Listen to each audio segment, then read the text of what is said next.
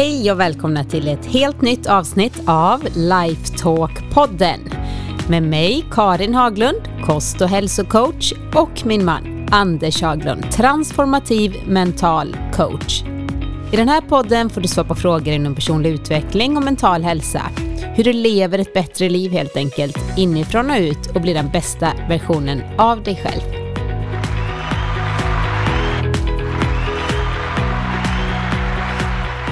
Hej Anders! Hej Karin! Nu är vi tillbaka. Ja, det är vi. Härligt! Ja, Har du, sak har du saknat mig tänkte jag säga. Det har du ju verkligen inte. Vi har Nej, typ det har varit jag med varandra hela sommaren. Ja, Så är det men eh, det är klart att det är härligt att vara tillbaka och podda. Det är det. Verkligen. Nu spelar vi in detta lite innan det släpps.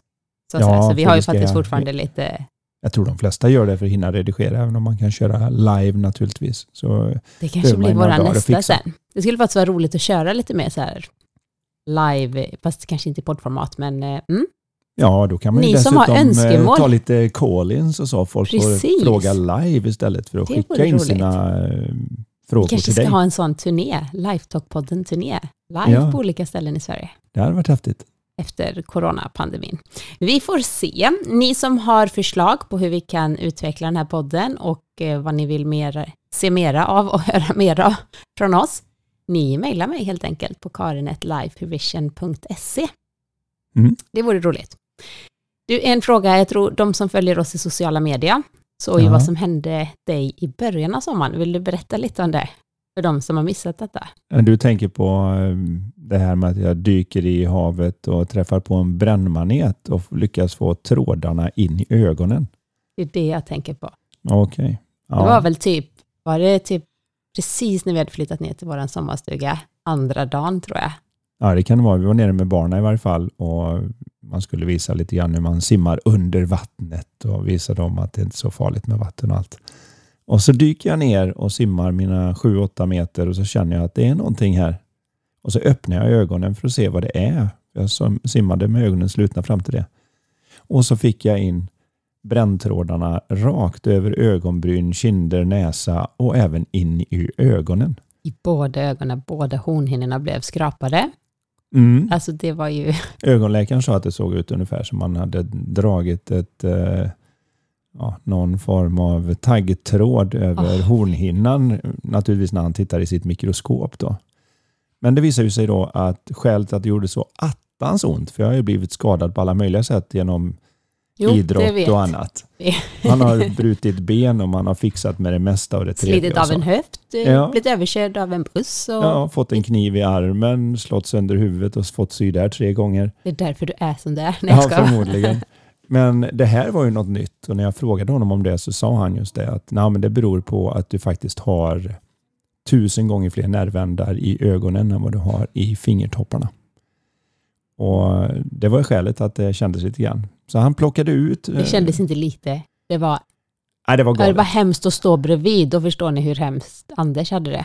Nej, det var galet var det. Man såg ingenting så man började undra, kommer jag se igen Om man nästan? fördelen med just den eh, säga, olyckshändelsen var ju att efter ett dygn, efter två dygn, då var du mycket, mycket, mycket bättre. Efter bara, vad tror du, fyra, fem dagar så var du i stort sett helt bra. Ja, hornhinnan läker väldigt, väldigt snabbt.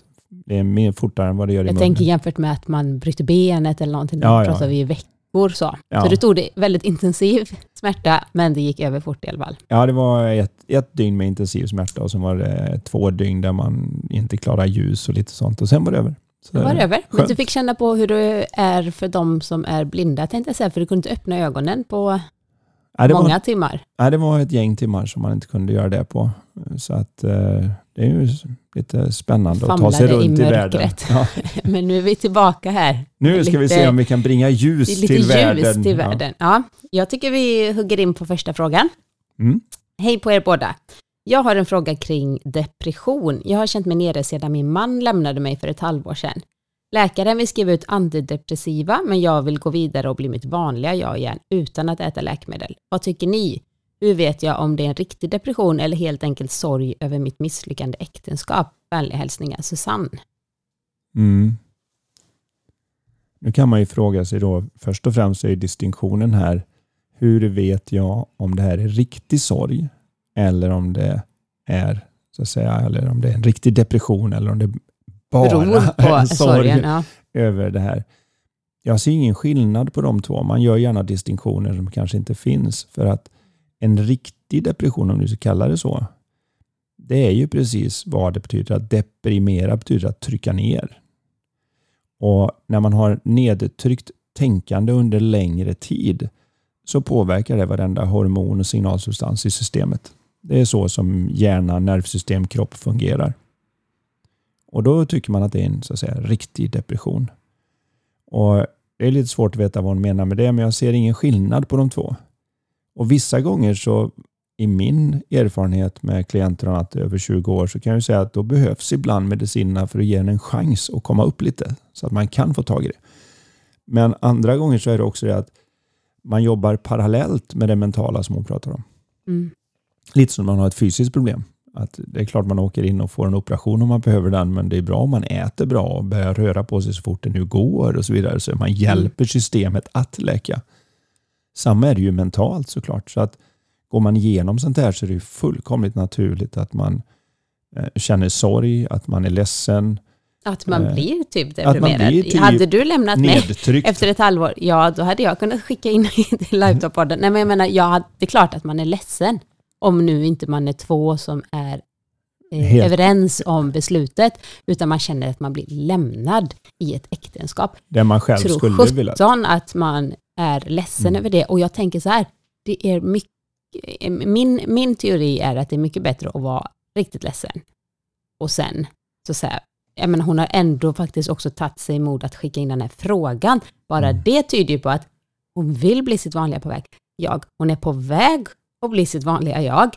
Eh, men det tar sin lilla tid och ju mer man faktiskt tillåter sig att sörja det som har varit, så tror jag att det är lättare att gå vidare än att bara direkt, ja, på, vi träffar nästa eller liksom Mm. förneka det.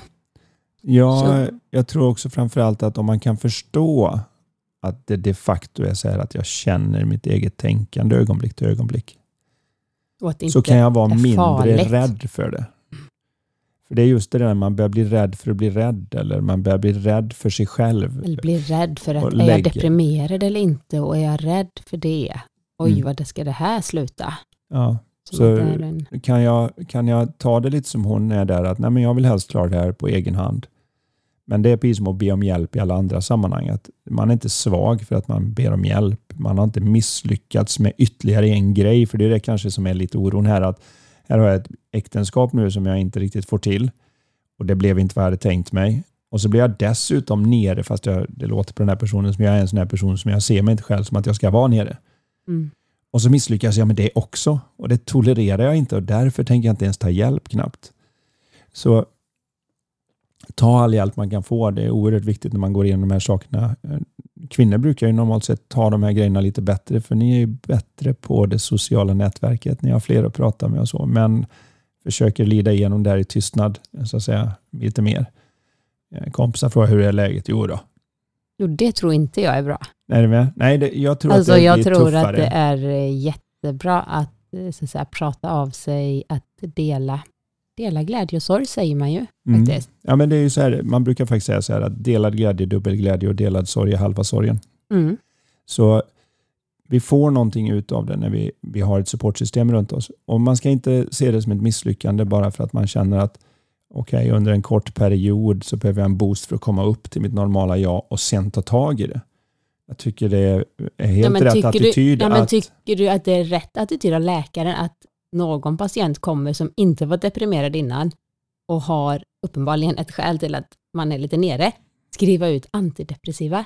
D- Nej, där där, de där gör tycker jag, jag de hör gör det ju det alldeles för enkelt. alldeles för enkelt skulle jag säga. Ja. Alldeles för enkelt. Och, och det Eh. antyder också, här tycker jag kanske det viktigaste med det hela, det antyder också att det här klarar inte lilla du på egen hand.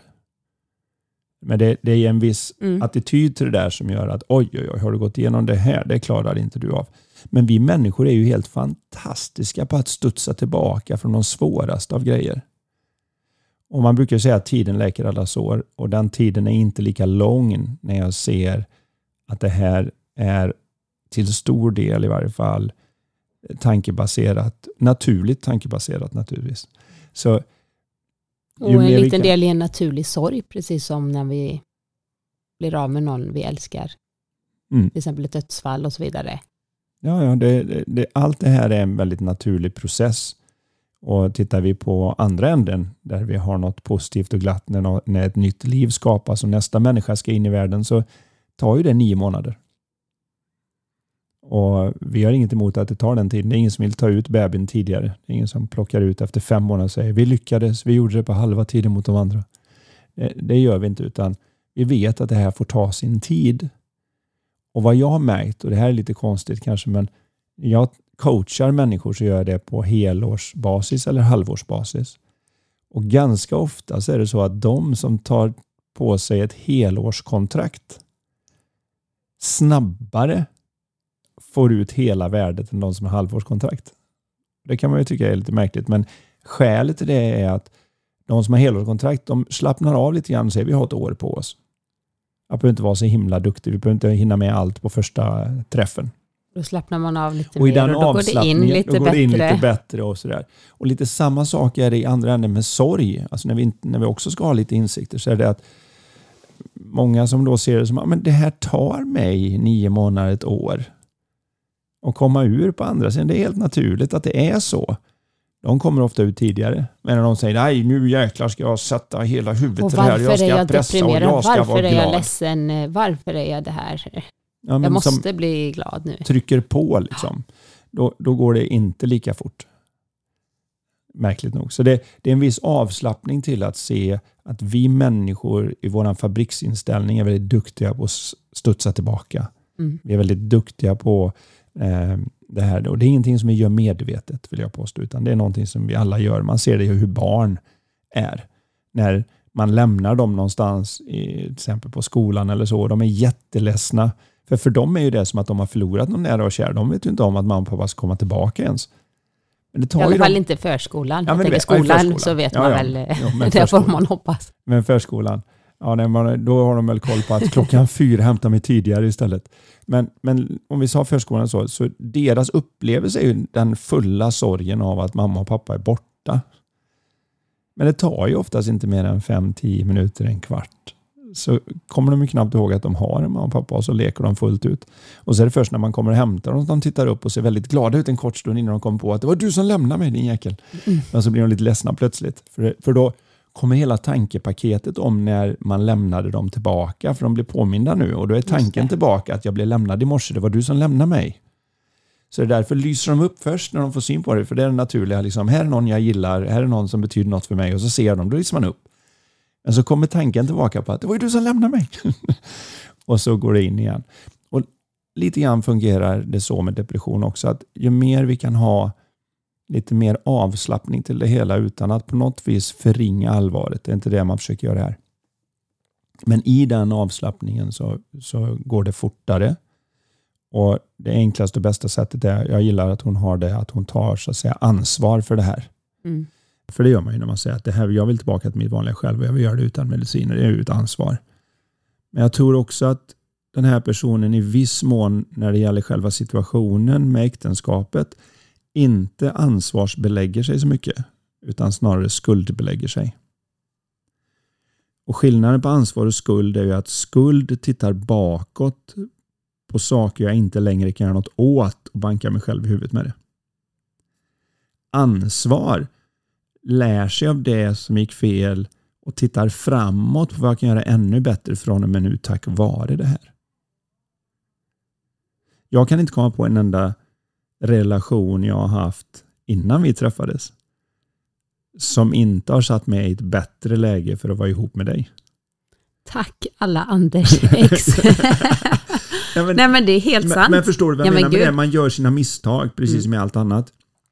Första relationen har man ingen aning. Det är som en trafikolycka nästan. Oh, där, de tog mitt hjärta och sprang åt det hållet. Jag måste springa med. Och sen så gör man alla de där misstagen för man tar allting personligt och man säger saker man inte menar. Och det, det, det, och sen det tog så... det lite längre tid bara att gå igenom det där innan vi träffades. Jag var klar lite tidigare ja, eftersom du är några år äldre. Där, jag är lite smartare ja. med relationen. Nej, jag ska men, men jag, tror Nej, jag, att, jag tror att ser vi det istället för det här med att varför blev, tog det slut och varför var det... Det sätter en i nästa läge för att det är som att vi tror att man ska träffa någon, bli kär och så ska man kunna hur det funkar 100%.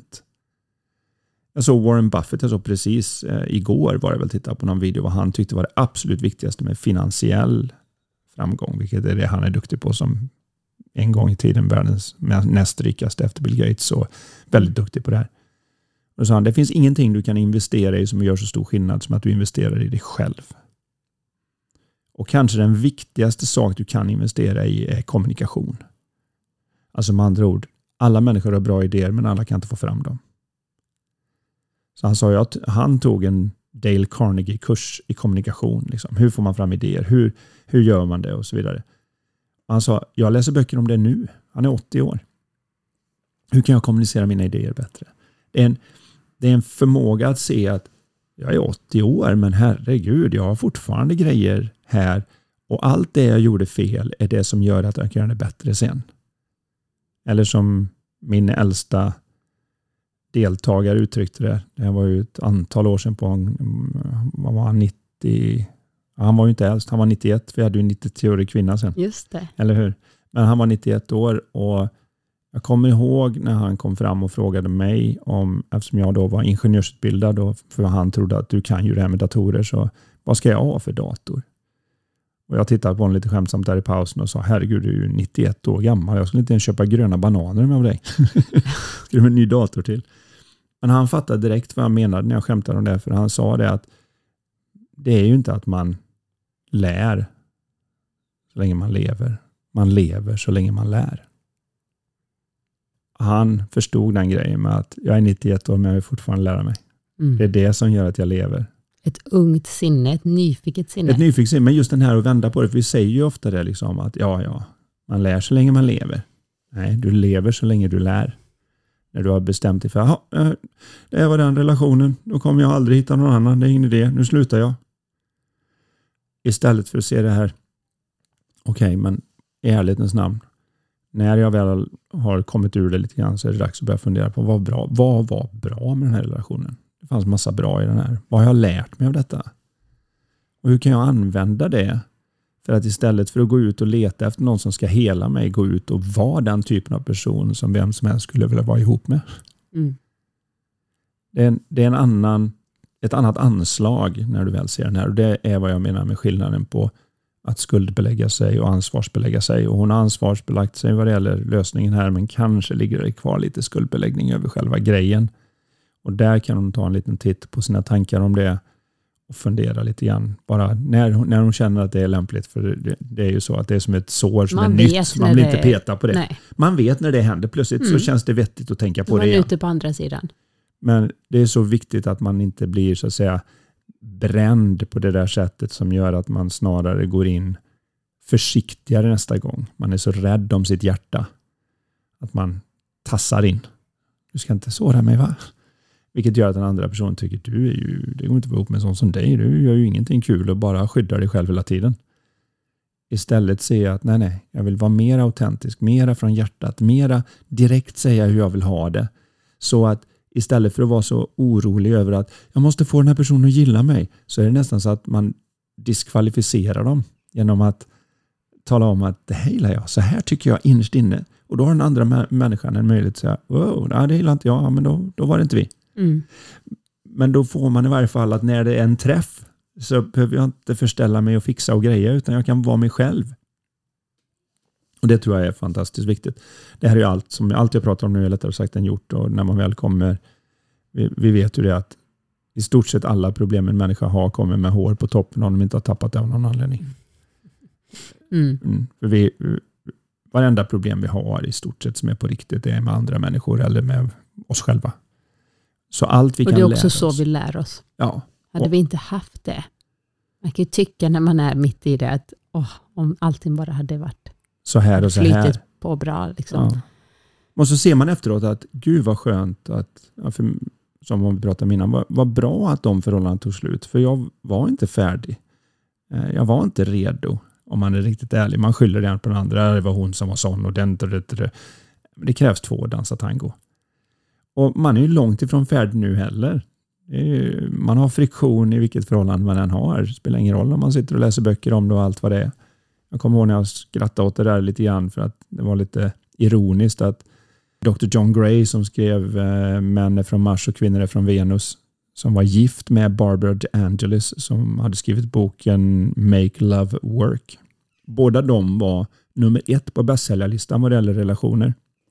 Och jag tror de lyckades vara gifta i 11 månader. Det är inte så länge. Det är inte så länge för Ja, att vara relationsexperter. Nej. Det visar att hur mycket man än studerar det här så finns det mer att lära. Och att det är inte enkelt, men det är värt det. Det är väldigt svårt att hitta en rik och lycklig eremit. Vi är gjorda för att vara tillsammans Mm. och det gäller att fortsätta ha hoppet om det. Mm. Hoppet om att ha någon att dela med. Jag tror att det är väl svaret på frågan ganska mycket hur man tar sig ut. För en depression är oftast att det här är jättejobbigt och jag kan inte se hur det ska bli bättre Just nu. just nu. Och det här kommer också passera. Hur mycket det känns som det inte är. När vi skulle sagt det till en 16-åring som har gått igenom sin första hjärtesorg så tittar man ju på dem och säger jag önskar du kunde förstå vad jag förstår. Det kommer att hända saker i ditt liv och du kommer att vara så nöjd med att det här var inte den som det blev. Jag tänker bara på min första mållista. Jag tror jag skrev en rejäl mållista första gången i mitt liv när jag var 15 eller 16. Så där jag vill vinna den här tävlingen och jag vill ha det här. Och jag, vill ha, alltså när jag, jag tror jag hittade den, det var länge sedan nu, jag tror inte jag har den i, faktiskt i fysisk form efter ett antal flyttar. Men jag kommer ihåg att jag fick syn på den vid en flytt och läste igenom min mållista och insåg att vilken tur jag inte fick den. Men det var ditt 15-åriga jag. Ja, mitt 15 Men jag den trodde ju liksom att som- allt det går ut på är de materiella grejerna i stort sett. Jag ska ha en, sån, sån här bil, bil, och jag ja, ska jag bo så här och det ska vara någon form av Playboy-modell och det ska vara det ena och det tredje och sen så, och så ska man ha massa bra, vad det nu än var. Det var, det var en lista som en 15-åring hade önskat sig. Och man tänker, oj. Och skulle vilken- du skriva en ny lista nu så handlar det, skulle jag tro, mycket mera om, alltså när man är vuxen, jag vill ha harmoni, Ja, men jag vill ha inre värden. En, ett, precis mera inre värden. Och också det här att istället för att önska att det var lättare så önskar man att man vore bättre. Mm.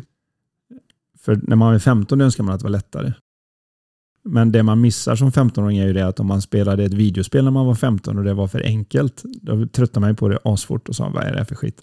Man vill ha en utmaning, man vill att det ska pressa en, man vill att det ska få en lära nytt. Det är då det är spännande att hålla på. När det är lite frustrerande nästan. Nej, jag klarar det inte igen. Vad är det för en nivå? Det är då man fastnar i spelet. Mm. att säga. Är det för enkelt så vill jag inte vara med riktigt. Konstigt nog med livet så önskar man ju sig enkelhet. Liksom. Jag vill ha så här mycket pengar så vill jag aldrig ha några bekymmer och ska jag aldrig vara sjuk och så ska jag bara ha det här och det här. Men då, Då hade du blivit då, uttråkad. Ja, plus att det blir som en kropp som till exempel är i rymden utan gravitation. Då har den ingen press. Det är inte ont att röra sig. Man kan putta på saker som är tunga. Det är ingenting som tar emot. Men du får inte en muskel. Och, och livet är ju lite likadant fast det är emotionella muskler vi får när vi råkar ut för de här sakerna. Och Det gäller att se hoppfullheten i det. Att det är nästa trappsteg. Och att man har ingen aning. Jag, jag vet inte hur många vd och andra jag har coachat som sa det att oj, oj, oj, det var mitt största misslyckande det här äktenskapet som gick i kras. Och sen senare när jag träffat dem säger jag oj, jag är så glad att det gick i kras för nu har jag träffat rätt. För nu den här gången var jag mig själv. Den här Mm. gången la jag ut mitt hjärta som det var. Och det nu har hade aldrig hänt det hade om aldrig inte... hänt utan det. Utan då hade man gått där och varit lite orolig och försökt vara någon annan och leva med det. Liksom. Långt svar igen. Långt svar, men väldigt bra. Så vi tar nästa fråga. Hej Anders och Karin, gillar verkligen er podd. Det skulle vara intressant om ni kan prata lite om värderingar. Hur viktigt är det till exempel att ha liknande grundvärderingar i en relation? Hur pratar man om detta på ett bra sätt med sin partner för att liksom få reda på hens värderingar? Tänker också i mitt företag, hur sätter jag bäst värderingar och får personalen med på tåget? Jag driver ett företag med fyra anställda. Tack på förhand och en fortsatt fin sommar. Mm. Det var ju En en, väldigt bra lätt fråga. fråga. som man kan hålla på med några timmar. Det här blir ett långt svar antagligen också. Nej, jag ska se om jag kan göra något kort på det, men det var ju två delar i det. Ett så är det kanske lite lättare med fyra anställda och få alla att peka åt rätt håll. Där det får en extrem eh, effekt att ha en gemensam riktning, det är ju när vi börjar bli, enligt psykologin, över 100-150 personer. Då är vi inte längre så att säga en byformat där alla känner alla, utan nu kommer du träffa människor i korridoren som du inte vet vilka de är. Då blir det ju extra viktigt extra att alla viktigt, vet okej. om vart vi är på väg, vad, hur vi har tänkt att komma dit och så vidare. Men, och här är Mm. mitt stora men i detta, det är det att värderingar är viktiga att sätta upp som en riktlinje. Men det intressanta att fråga sig är när kan människor följa goda värderingar? För det vi, vet jag svaret på. Ja, men jag har hört dig säga du har hört innan. mig säga detta, ja. Okay. För jag har haft kanske, säg att jag har haft genom alla år åtminstone 200-250 uppdrag där ett företag har kommit in till mig och sagt att vi vill, vill att du hjälper oss med ett värderingsarbete. Vi, för, där jag har hjälpt dem att visa att utan involvering har du inget engagemang och så vidare. Men när jag får deras eh, förra lista när de säger så här, här, jag vill att du får vårt värderingsarbete så att du vet vad det är vi har att jobba med, så du lär känna oss. Så visar det sig att alla skriver ungefär samma värderingar. Okej, det är tydliga ansvarsområden, det är en för alla, alla för en, högt i tak för kommunikation. Eh, det, det står ungefär samma saker i de här värderingsarbetena. Ändå blir det väldigt olika utfall av det. Så alla människor har ungefär bra koll på vad, hur skulle, vad, vad, skulle vi vilja att alla fattade om vi ska få det att funka? Det har alla en ganska gemensam koll på. Men sen så blir det ju inte så på alla ställen. En del får till det, en del får inte till det. Så det finns någonting som är viktigare än själva värderingsarbetet. Jag säger därmed inte att värderingsarbetet är oviktigt. Jag säger bara att det finns något som är viktigare än själva värderingsarbetet. Som vissa får till utan att veta om det för att de är duktiga på att sprida det. Mm. Men vi människor, man kan säga så här att vi människor, när vi är på ett bra ställe emotionellt, då följer vi goda värderingar utan att veta om vilka de är. Så står man i kön på ICA och är liksom lite skön sådär och en gammal dam framför en tappar ut en vara eller någonting, då flyger handen ut och plockar den där burken och säger här och ha en trevlig kväll. Och med andra ord, man är snäll och hjälpsam och ställer upp. Är jag stressad, irriterad, frustrerad, distraherad, tittar på min telefon och så vidare.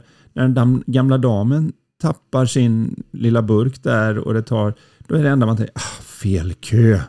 Visste jag inte skulle ställt mig i den här kön. Mm. Det är allt som dyker upp och då följer jag inte alls goda värderingar för nu är jag lite ogin och dömande och frustrerad och irriterad och tycker det tar för lång tid och så vidare. Så vad vi behöver lägga upp på bordet för att få värderingsarbetet att faktiskt fungera det är sinnestillståndet bakom. Att det mentala välmåendet, eh, den mentala klarheten och balansen. Det behöver upp på bordet och om man inte får till den, då faller värderingsarbetet. Därmed inte sagt att man inte ska ha det. Vi behöver ju ha, speciellt om man har ett antal anställda, så behöver vi tala om det. Att här är vad vi, hur vi bidrar med värde till våra kunder. Men vi har också det här sättet vi gör det på. Mm. Så, så här sköter vi oss, så här håller vi oss. Det här är våran code of conduct som man säger på, på engelska. Och det här är jätteviktigt att, att ha med, men samtidigt så behöver jag då se att det är bakomliggande är oj, det är inte värderingen som är viktig. För när du går på värderingen så kan det också bli ganska mycket kris där. Så i ett förhållande som hon också frågade om. Mm, han. han. Eller, är det en han? Eh, nej, det, Ja, jag vet inte. Det, det var, står något. Var det anonymt? Nej, det var anonymt. Det var en hen. det var en hen, okej. Okay. Jo, så i ett förhållande, säg att två personer har en värdering som heter respekt. Och båda två är helt överens om att respekt är det, viktigaste. Det är mm. så viktigt med respekt. Men den ena är uppväxt i en familj där respekt det innebär att om man nu har meningsskiljaktigheter som alla kommer ha. Då går man och tar upp det med den personen. Man går inte och grinar och surar i ett hörn utan man går och tar upp att det här tycker inte jag var okej. Okay. Den andra parten har samma grej på respekt. Respekt innebär att man går dit och tar upp det hela och pratar med varandra. Man visar en viss respekt för bådas hållning. Men när man går vidare på det egna under så visar det sig att, säg att han har den här att när man väl gör det här då är det helt okej okay att vara animerad och höja rösten och hur menar du? Och liksom, det viktiga är att vi stannar här och diskuterar. Och det värsta man kan göra för att tappa respekten, alltså tappa hela sin respekt i det här, det är att man bara säger jag tänker inte ens prata med dig och bara lämna rummet. Liksom. Medan den andra parten, de har att nej, håller man respekt, håller man rösten, man håller sitt lugn och man man, nej, brusar man, man brusar absolut inte upp. Det är att totalt tappa respekten för den andra människan. Man håller sig kvar alldeles oavsett. De här två kommer ju jaga varandra inom huset. Där den ena liksom tycker nu räcker det och så lämnar de rummet. Den andra säger du får inte lämna rummet och du får inte höja rösten och du ska inte prata si och du ska inte prata... Det, det är ett evigt bråkande fast de är helt överens om värdering och respekt. Därför att de har regler om det som gör att de tappar sitt mentala klarhet och till slut så blir det bara pajkastning kvar. Och de här reglerna har de inte satt upp medvetet utan det är ju automatiska. Ja, så är det ju. De, de har inte tänkt till på dem, utan Nej. det är sånt som vi får med oss lite som vatten för en fisk. Vi vet inte om att det är så, men det var så det visade sig i vår familj att det var. Och Det är så viktigt att se det här att trumf på hand, det är att, att se hur man hittar sin mentala klarhet och att den där känslan vi har i magen och bröstet signalerar när vi tappar vår mentala klarhet med en obekväm känsla. Och så fort vi vet det, då, då borde det vara som när man hyr en hyrbil till exempel i USA. Jag tror det är mest där. Jag vet inte om vi har den regeln, men jag har inte sett den här i varje fall. Men då står det alltid i backspegeln så här att objects are closer than they appear. Alltså med andra ord, allt du ser i den här spegeln är närmare än du tror att de är. För det förminskar på något vis. Så bilen ser lite mindre ut och då tror hjärnan att den är längre bort. Och då varnar den för det. det ser, bara för att det ser ut så här så är det inte så. Så sväng inte ut. För den kan vara precis i din bakskärm fast det ser ut som den är 10 meter bakom. Det är vad känslan försöker säga till vårat sinne. Du eh, behöver inte säga det du har tänkt att säga nu. Du behöver inte göra det du tänker göra nu. För objekt i ditt huvud är inte riktigt som de ser ut just nu. Det ser värre ut än vad det är. Det ser ut som de är ute efter dig personligen istället för att se att nej, det är bara deras. Folk har väldigt lätt för att ta vara på andras misslyckanden och, och sen bli arga över dem fast det är bara vad de råkade göra.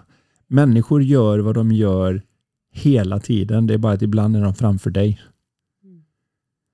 Och ju mer man kan se det, ju mer man ser att alla människor gör det bästa de kan givet det tänkande som ser verkligt ut för dem i stunden, så blir det enklare i alla fall. Inte lätt, det vet vi allihop. För att för det tappar man det och så har man helt glömt av att det är en skev bild i backspegeln. Och så reagerar man som att nu kan jag svänga ut fast bilden är där fast den såg ut som den var långt bort. Och så krockar vi i relationen eller vad det nu än är. Men samma med värderingar då, att, att se att jag har en skev bild när jag är lite off. Och om alla investerare kan se det och se mänskligheten och tappa det så och ha en bättre förståelse för det, då blir det enklare att springa åt samma håll med de värderingar man har satt upp. I förhållandet och på jobbet. Mm. Men det här då, om hur pratar man med sin partner för att få reda på, hur luskar man fram? Luskar lite om man, man har gemensamma värderingar. Jag funderar lite på hur, hur gjorde vi? Det var inget så här, nu ska jag fråga dig om detta, utan det sker ju lite automatiskt ju mer man hänger med varandra, att man, man inser att man har värderingar. Mm. Och pratar man om lite djupare saker än om vädret och andra. Precis, nej men om man, ja, så tror jag att det kommer fram. Och att man behöver vara väldigt Diskutera. nyfiken i det läget och se att en vettig människa kan komma fram till det här. Mm. Oavsett vad vi har för meningsskiljaktigheter oavsett hur man brusar upp. Så en stund efter när jag lugnat ner mig så vet jag men du är en vettig person så nu måste jag ta en titt på hur du tänkte där för det ligger någonting bra i det oavsett om jag inte såg det just då.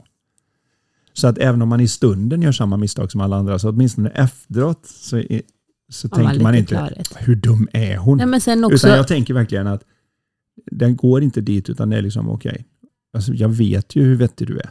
Okej, okay, var, det, var det att det var lite upprörd sinnesstämning så det blev för mycket åt något håll? Eller var det jag som var lite borta och så tolkade det fel? Eller var det att åh, hon ska ha mens om två dagar? ja, ibland kan ju det påverka lite grann. Men, och då vet man om det då dessutom. Vi säger till exempel om man då har en sån här liten humörsvängning eh, när det är två det är dagar kvar lustigt, till mens. Jag har det typ så två dagar innan mens och det är bara, det är inte ens en dag utan det är du har ju nästan typ alltid en fyra timmars period där du i stort sett bara vill att alla andra ska försvinna och du vill flytta från huset. Och, men ja, inte riktigt så. Men nej. alltså då är det liksom, nej, nu du, måste vi ändra på någonting. måste vi ändra på ja, allt. Någonting. Någonting, någonting radikalt måste hända. och, det, och den är så kort. Men, och du bara, ska du ha mens? Just det, det är nog det. Men, men vetskapen om det gör ja, att man kan lugna ner sig? Att man, av, det, man det avdramatiseras i det? Absolut. Okay, det, det är lite som när någon säger någonting när de är berusade eller någonting. En del tänker att det kom sanningen. Jag ser det verkligen som att nej, det här kom, Gå nu och lägg kom något dig, påverkat. liksom. Ja, Gå och lägg dig nu. herregud. Säg ingenting nu. Vi tar det imorgon. När du är tillbaka i dina sinnens fulla bruk. Och det finns mycket olika saker som påverkar där som vi kanske inte ser. Tonåringar, vi har ju en som ska snart in i den resan. Inte riktigt än, men, Nej, ja. men något år kvar kanske, men det är inte så långt kvar. Men då kommer ju hormonerna Rachel oss mer än vid någon mens, om man säger så. Och det kommer säga saker som man inte tänker och tror på och det kommer göra saker som man egentligen inte innerst inne står för. Men det gör i stort sett alla som går på den uh, hormoncocktailen. Och då är ju frågan då, ska man se det som att Nej, Åh, vi hur behöver- kan du säga så till mig? ja, Eller ska man säga, oj, ja just det, tonåring. vad har hänt Och så med, bara, ja, men det, lite vad har hänt med, med min det. lilla ängel? Vi behöver skaffa en exorcist. Eh, istället för att säga att det, det är det som pågår nu. Och Det är återigen inte enkelt, för barn vet vilka knappar de ska trycka på och så vidare. Men i en relation då, så just att kunna ha diskussionen om så här tycker jag, det här står jag för. Men gå in i den diskussionen med att vara villig att ändra på sig. ja, eller var villig att du behöver inte träffa någon och du bör helst inte träffa någon som är exakt kopia av dig själv och exakta värderingar och uttrycka dem på exakt samma sätt. Utan var lite nyfiken och förstå att vi är två olika människor som kan komplettera varandra. Mm. Men självklart så vill man ha någorlunda samma syn på. Jag, jag har ju sagt det någon gång när jag har varit inne och coachat i styrelsearbeten att är det två personer här som tänker exakt lika så är det en av dem som inte behövs. Men För det är en som är överflödig Mm. nu. Men ofta gör vi så att vi söker oss till människor som är ganska lika. Åh, du tycker precis som jag, det är så skönt. Åh, du gör precis som jag, åh vad det är skönt. Jag tänker också vänner är ju ofta så. Ja. Alltså väninnor. Mm. Och och det blir en väldig förstärkning i det. Eftersom jag får, jag får, det är ju som en YouTube-algoritm. Jag får bara tillbaka precis det jag har sökt på. mm, Och det är väldigt förstärkande, men det gör också att man blir skev i sinnet. För till slut så börjar man ju tro på den lilla bit som hela tiden ger sin återfeedback. Och det är därför man behöver ha in någon i mixen som är annorlunda. För att vara effektiv. Och det är obekvämt, det skaver. Men det är väldigt utvecklande. Ja, det, är, det är som på gymmet, du behöver ha in någon övning och någon vikt som gör att det skaver lite. Det gör ont och det verkar lite. Eh, Naturligtvis skadefritt, men fortfarande för att, för att växa så behöver vi ha in lite motstånd. Vi behöver ha in någonting som är lite obekvämt. Och vi måste se värdet i det och vi vill så gärna vara utan det, tror jag, de flesta. Eh, Vi känner att nej, men jag vill inte ha det, jag vill bara ha bekvämt hela vägen. Ja, men det blir ingen utveckling i det. jag tror både du och jag, vi utvecklar varandra genom att vi faktiskt är lite olika. Vi har väldigt, ändå, om vi pratar värderingar, vi har ju väldigt liknande grundvärderingar i livet. Ja, men framförallt den här kanske viktigaste att vi, vi kan ta det personligt i stunden men när vi har fått lugna ner oss lite grann så tar vi inte det längre så personligt utan vi ser att det var ett, en effekt av det tillfälliga cocktailen i tank, tankecocktailen i hjärnan. Mm. Och så behöver vi inte ha, okej. ja, då behöver vi inte ha några långa och djupa diskussioner genom natten om varför. Utan det är liksom varför var jag var lite off och då säger man grejer som man inte gör annars. Och så, det är väl den stora skillnaden. Jag tänker även för mig personligen så är ju en av de stora skillnaderna är det att jag är, du tycker ju liksom att du är så lugn jämförelsevis. Du går lite mer upp och ner. Jag är lite mera som du kanske tycker mellanmjölk. Eh, Ja, det är men, lite, men det, är inte att, det är inte att jag inte har det. Men jag tänker inte mycket på det efteråt. Och det är också en gemensam sak vi har tror jag. Det är det att du släpper saker väldigt fort. Du släpper dem till och med kanske Nästan fortare än för vad jag fort. Nästan för fort ibland. Hinner inte ens reflektera över dem. Nästan. Nej men du är jätteduktig på det. Eh, Så att du kan vara wow och så när jag kommer liksom och säger oj vad var det? nej, det var inget. Nej, Nej, nu inte är bry allt bra. Nu är allt bra. så, och, och bara se att det är hur det funkar gör ju att man inte återigen tar det och drar in det och analyserar och tar det personligt och håller på. Så, så det är inte som att jag inte har det här. Det kanske inte syns lika mycket på utsidan. För jag lärde mig som golfproffs att när man väl tävlar så får, liksom, du kan inte släppa på det. Du får liksom snarare dra in det och bara... För annars kan du inte prestera. Jag tänker ju på det med den här brandmaneten när jag går upp och vinst. Liksom, hur går det? Hur går det? Och så, det är lugnt, det kommer gå över. Och så säger Vince liksom, måste du vara så lugn jämt? Ja, det, sa, det kommer inte ihåg, men ja, Ja, det sa han till mig. Och, och då tycker han ju att, för han är ju lite mer som du, Ja. så han tycker ju liksom att nej, men nu borde du skrika lite könsord och lite svordomar och lite allt det där. För, så att vi, för det är helt okej pappa ungefär. Eh, och där försöker jag ju gå åt andra hållet på något vis. Jag vet inte, det blir så. Men Därför blev vi oroliga. Jag gick och blundade. Aj, aj, aj, aj, aj, aj, aj, jag ser inte något, jag kommer bli blind. Aj, aj, aj. Ah, jag och Vince va? Ni två, ni två åker mer än vad jag gör. Ska vi ringa ambulans? Ska vi ringa detta? Jag hade 1177 på så här väntelista och, och bara försöka liksom. Och så kommer Mm. tulta de andra två efteråt med badringar och... Allt som var jag. eh, ja. Ja. Ja, det, Det är ett kaninhål där framme, trampa inte det pappa. ja, Ja. herregud. Ja, nej, men vi är olika och, och jag tänker att vi ska låta oss vara olika. man kan vara mer fin med det och se det att eh, homogenisering är ju inget svar på någonting. För om alla verkligen tänkte likadant och gjorde likadant så varje gång det kom ett nytt problem kunde ingen lösa det. Utan vad vi behöver är just den där någon som kliver in och säger, om ni inte tänkt på att göra så här. Mm. Och så löser det sig. Jag tänker på den här gamla historien som jag inte riktigt vet hur sanningshalten är, men är nog många eh, föreläsare och andra som har använt, men där det sitter några i en kö och väntar på en lastbil som har kört in under en bro som är för låg för själva lastbilen, så den har kört fast under.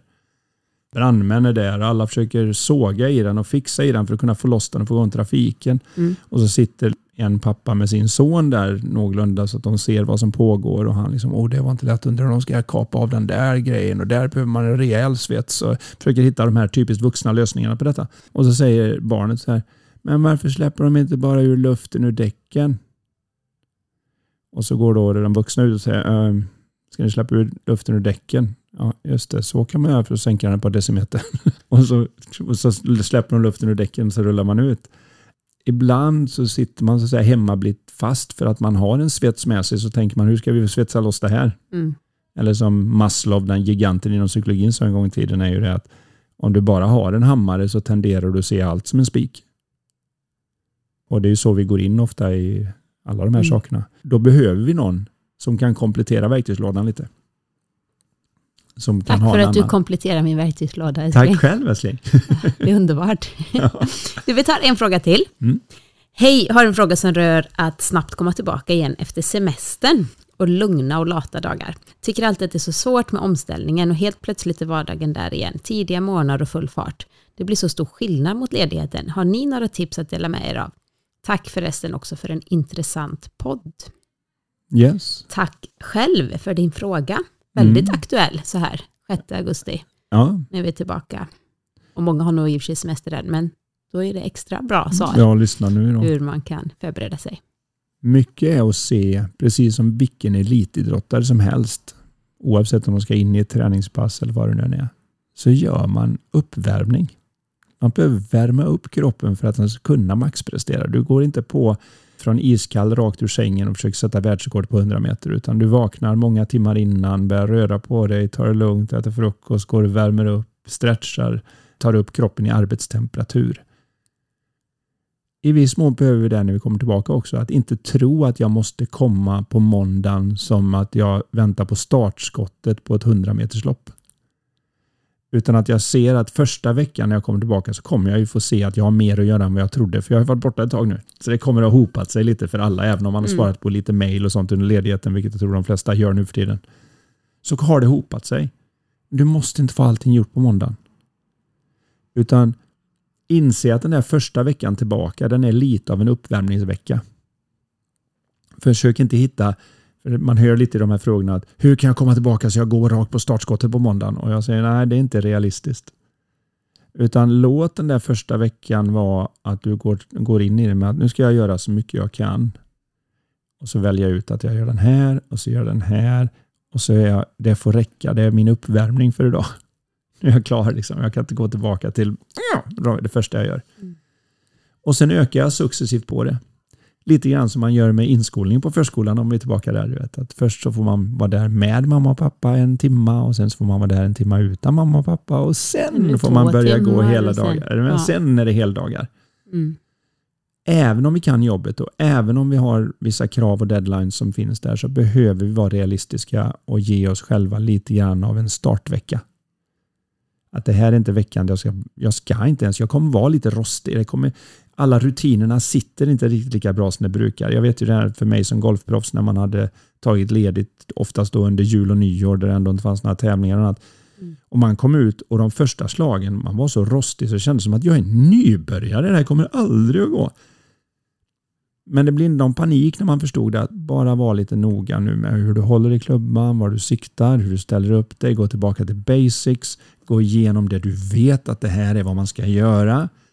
Och så matar man sig in så att säga i matchen igen. Lite grann som de flesta om man får ett nu under EM och sånt som gick i somras. Man får ett chockmål i baken och så jobbar man sig in i matchen genom att fortsätta göra det man vet är rätt. Mm. Och samma vetskapen också, tänker på semestern, att man vet att jag har haft min semester, jag har vilat upp mig, jag har haft sovmånader och det investerar jag så att säga i att jag kan, kanske inte första dagen på jobbet, men när man är tillbaka så har man liksom, då kan man prestera bättre, få ja. mer gjort eller vara mer effektiv. För att man har gett kroppen den här värdefulla vilan. Hade man struntat i semestern och bara varit produktiv hela tiden, så någonstans, det funkar inte så. Nej. Vi behöver den så viktigt. Det är så dagen är uppbyggda också. Vi behöver nattens återhämtning, nattens sömn för att kunna liksom, ja, hel träna, helgen arbeta. Lite off. Helgen lite off och så vidare. Och så vidare. Vi, vi, behöver det här ebb och flod. Det är mm. vad jag kallar... Just det, ebb och flod. Ja, vi behöver det precis som på, hos en bonde. Liksom. Vi vet att du kan inte bara odla på, odla på, odla på. Till slut alla mineraler borta ur den jorden och så finns det inget som växer där för att jag var för på. Mm. Och samma sak är det i livet, att vi behöver ha den här ebb och flod i det hela. Eller som när jag coachar racerförare som jag just nu håller på med, och har gjort lite grann förr också. Då pratar de väldigt mycket om race-strategi. Att man måste gå in i depå och byta däck och fylla på och så vidare. Det där tar från entry som det heter in i box eller pit lane till att du har bytt däcken och fått på lite grejer och kommer ut. Det tar någonstans mellan 24 till 28 sekunder beroende på vilken bana du är på. Och de kämpar ju med varje varv och hittar tiondelar. Ju, du ska offra 280 tiondelar som du aldrig kan köra ikapp. Var, varför gör man det? Det är inte ens vettigt. Jo, för att om jag inte byter däck, om jag då inte kommer du inte ens i mål. Då kommer jag inte ens i mål. Nej. Och när man startar upp, kom ihåg det, det är mycket mer av ett maratonlopp än vad det är ett 100 meterslopp att, att få mest gjort fram till jul och nyår när vi tar nästa ledighet. Mm. Så håll det långa perspektivet och inte se det som att ja, vad mycket att göra och jag har inte hunnit med allt på måndagen. Utan hinn med det du kan. Var fine med det och gå vidare. Och, det, och, och se det här lite som uppvärmning och uppbyggnad in i att komma upp i full speed. Mm. Och även när jag sen är uppe i full speed faktiskt behålla lite av det här förståelsen för att det måste finnas en naturlig ebb och flod i det här. Livet är inte en 100 meters sprint. Livet är mera som ett maratonlopp. Sköldpaddan och haren, den gamla klassiska eh, historien. Jag var alltid irriterad på den för jag tyckte bara, men bara spring haren, ta inte dina konstiga pauser och ligg där och lata dig bara för att du tycker sköldpaddan är långsam. Nu, ju äldre man blir, ju mer ser man att sköldpaddan vinner hela tiden. Den som tränar kontinuerligt, den som investerar kontinuerligt, den som hela tiden försöker göra ett bättre och bättre jobb på sociala medier, som bara ligger där och maler. Det verkar inte hända någonting. De flesta jag såg någon youtuber som visar hur de tjänar små, pengar. Små, små steg i de tjänar inga pengar de första två åren och sen plötsligt har de en miljon följare. Ja, men det, det är för att de, de maler och maler och så mm. vinner sköldpaddan. Det är ingen som börjar på måndagen och har en miljon följare på fredagen. Liksom. Det, det, är inte ett hundrameterslopp. Och Det är samma sak när det gäller ja, som, som våran podd. Man har ett antal lyssnare i början. Det är inte många som kanske lyssnar i förhållandevis eh, mot vad man kan få sen, men man fortsätter att bidra med värde, man fortsätter att lägga sitt hjärta i Ni det. Ni börjar verkligen dela på mm. den vidare. Ja, blink, blink. ställer frågor, pratar om det och så vidare. Och plötsligt så sprider det sig. Om man bara håller på tillräckligt länge och man har någonting som verkligen bidrar, så till slut så får det så att säga drivkraft. Jag tänker en sak också där med barn och sådär och just hur, hur tiderna ruckar sig mm. på sommarlovet säger vi. Vilket är självklart naturligt. Om vi lägger våra barn vid 8-9 annars, säger vi, eller vi har som ja. mål 8 och så brukar det bli halv nio, de är väldigt pigga, halv nio, nio. Men det spelar ingen roll. Hur roligt är det att göra det på sommaren? Då är det så fina, alltså det är så magiska kvällar. som man vill vara uppe. Och det är naturligt, jag tror vi är gjorda att vara piggare på kvällen när det är ljust, Ljust och härligt. Men det vi brukar påminna varandra om att oj, nu är det två veckor till skolan börjar, eller nu är det en vecka kvar. Då börjar vi försöka i medvet Trappa ner Trappa 5-10 ner lite minuter att- per kväll tills man Nej, börjar men närma liksom, sig. oj det var klockan. Nej men det är faktiskt skola om en vecka och så försöker man i alla fall, kanske till och med om de sover länge på morgonen eller någonting, Mm. en vecka dem lite. Som, och det är ju samma med sig själv om man lever själv eller så vidare, att man kan kolla lite mer när det börjar närma sig. Ja. Att styra lite just med tiderna för han eller hon eller hen skriver börjar här med tidiga månader och så vidare. normala rutiner. Och det är också med små, jobbet små där. steg Att, åt det hållet. Så. att, att inte bara se veckan där jag börjar jobbet som lite uppvärmning utan även se veckan, sista veckan på semestern som lite upptrappning i de små rutinerna. Att komma Mm. lite närmare normala bedtimes. Och Att komma lite närmare normal uppväckning. Att komma lite närmare i tanken. Så att jag kommer lite grann färdig för att köra igång den här veckan. Mm. Samtidigt som jag tänker att när man börjar jobba den första veckan och andra veckan, säger vi att det är augusti, det fortfarande är fina kvällar och det är sommar, härligt, att man kan få med sig de här semestervanorna eh, in lite i arbetsveckan. Mm. Man kanske bjuder hem lite vänner och grillar på kvällen en vardag. Eh, man kanske cyklar och badar efter jobbet. Går ut och tar en morgonpromenad eller tränar ute på, ut, eh, på gräsmattan innan jobbet. Alltså man, du vet de här lyxiga små grejerna eller som man njuter av på sommaren, det kan man också faktiskt implementera i en arbetsvecka. Då känns det lite mer som att övergången blir inte, åh nu har jag haft så härligt, åh nej nu är det bara jobb. Nej det är inte bara jobb och det är inte bara semester utan det är liksom en, en eh, balansgång. Sen tänker jag också om man har möjlighet, det är absolut inte alla jobb som har det, men om jag hade varit anställd, hade jag kunnat fråga så här, kan jag gå på semester torsdagen? Man börjar liksom, man jobbar sista veckan kanske måndag, tisdag, onsdag. Och sen när man är tillbaka så kanske man börjar, är ledig måndag, tisdag, onsdag, börjar torsdag, fredag. Och sen är det, och så vidare. Eller lägger in någon, man har en mammadag eller någon pappadag eller eh, att man tar ledigt någon dag i vecka två och så vidare. Så att det blir den här härliga, lite lugnare starten. Nu förstår jag att det är inte alla absolut som inte alla som har möjlighet att det. styra. Men om man har det, Mm. Och även inom sig själv på kvällar och annat. Just för att komma in i sina gäng, rätta gänger och rutiner. Och också börja se lite som det jag pratade om när det gäller race-strategi. Att vissa de sliter inte så hårt på materialet och kan göra en enstoppare. Andra sliter hårdare på materialet och måste göra en tvåstoppare. Och vissa kör som furier och måste göra en trestoppare. Och alla de tre strategierna kan fortfarande vinna racet. just det. Förstår du? Det är bara beroende på hur jag, om jag gillar att köra asfort, så fort att det är värt att ta en extra 24 sekunder. Mm.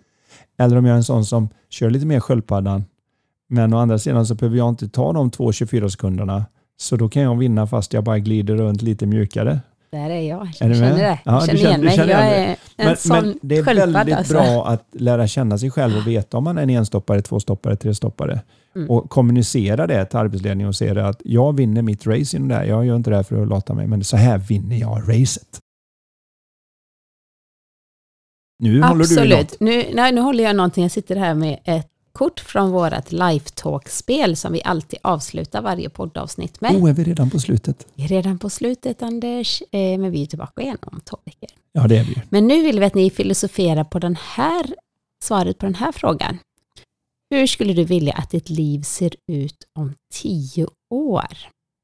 Mm. 2031.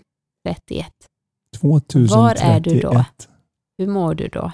Var befinner du dig? Vilka människor är runt omkring dig? Vilka kunskaper vill du ha? Vilka kunskaper vill du ha? Vad skulle du vilja säga att du är stolt över efter att de tio åren har gått? Jag är stolt över att jag har kunnat. Och så vidare. Alltså då är ju Lifetalk-podden, jag vet ju det, den är ju som världssuccé då. Ja, just det. Då får vi byta över till engelska också. Och Nej, det kommer vi nog faktiskt inte göra. Och. Det kommer nog inte hända. Men ni, eh, vi hörs igen om två veckor. Tack Ja, Anders för en alltid vi. lika trevlig podd, eh, poddstund. Ja, hej! Hej då! Du har lyssnat på Lifetalk-podden. Vi vore så tacksamma om du vill lämna ett betyg och eller recension i iTunes. Dina frågor de kan du skicka till oss på lifetalkpodden.se. Spelet Lifetalk finns också att beställa där. Vill du komma i kontakt med oss rörande samarbeten, coaching, föreläsningar och event, då kan du mejla till karin.lifevision.se. Tusen tack för att du har lyssnat! Och du, gillar du podden? Dela den gärna vidare och tipsa om den i sociala medier. Låt oss tillsammans göra världen lite mer mentalt välmående.